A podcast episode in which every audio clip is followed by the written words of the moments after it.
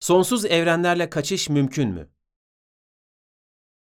Sonsuz evrenler senaryosu hem metafizik bir senaryodur hem de bilgimize hiçbir katkı yapmadan tek bir evreni, varlığı meçhul sonsuz evrenlerle açıklamaya kalktığı için Occam'lının usturasının nasibini almalıdır.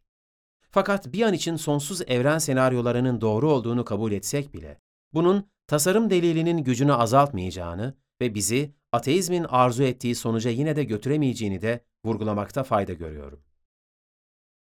İnsanca ilkenin sonuçlarından kaçınmak için sonsuz evrenler senaryosunu ortaya atanların yaptığının neye benzediğini size bir örnekle açıklamak istiyorum. Binlerce rulet masası olan bir kumarhanede olduğunuzu düşünün.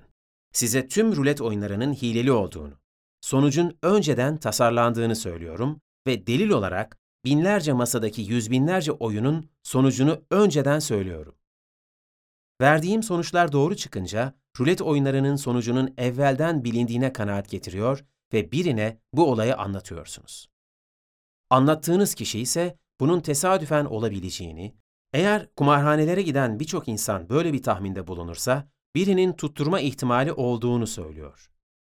Bunun olasılık açısından imkansız olduğunu gösterdiğinizde, aslında sonsuz sayıda gezegenler olabileceğini, bu sonsuz gezegenlerdeki sonsuz sayıdaki kumarhanelerde böyle tahminlerde bulunan sonsuz sayıda kişiler olabileceğini, bunlardan birinin rastgele bir tahminle böyle bir sonucu yakalaması muhtemel olduğu için size kumarhanelerin rulet oyunlarının önceden bilindiğini söyleyen benim yalancı olduğumu, benim bunu rastgele başardığımı söylerse cevabınız ne olur? Diyelim sonsuz sayıdaki kumarhanelerin varlığına inandınız. Binlerce rulet masasındaki yüz binlerce rulet oyununun sonucunu bilmemi yine de tesadüfle açıklamaya kalkar mıydınız? Dembski'nin bir örneğinden esinlenerek şöyle bir örnek de verebilirim.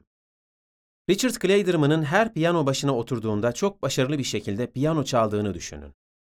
Eğer sonsuz evrenler senaryosunu doğru kabul etsek bile, Clayderman'ın her piyano başına oturduğunda parmağıyla rastgele tuşlara vurarak bunu başardığını söyleyen biriyle, bunu Clayderman'ın piyano eğitimine, çalışmalarına ve kabiliyetine, yani bilinçli performansına bağlayan benim iddiamdan hangisinin doğru olduğuna kanaat getirirsiniz? Sonsuz evrenler sonsuz olanakla her şeyi mümkün kılıyor diyerek her iki iddiayı da eşit değerde mi kabul edersiniz? Yoksa Clayderman'ın tuşlara rastgele basmadığını mı düşünürsünüz?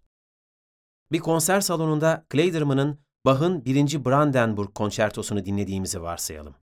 Clayderman'ın bu konseri bilinçli bir şekilde, yani tasarımla, hangi tuşlara vuracağını seçerek, bir kısım olasılığı seçerken diğerlerini eleyerek verdiğini bana düşündüren mantık, bu evrenin tasarımlı olduğunu düşünmeme yol açan mantıkla ortak noktalara sahiptir.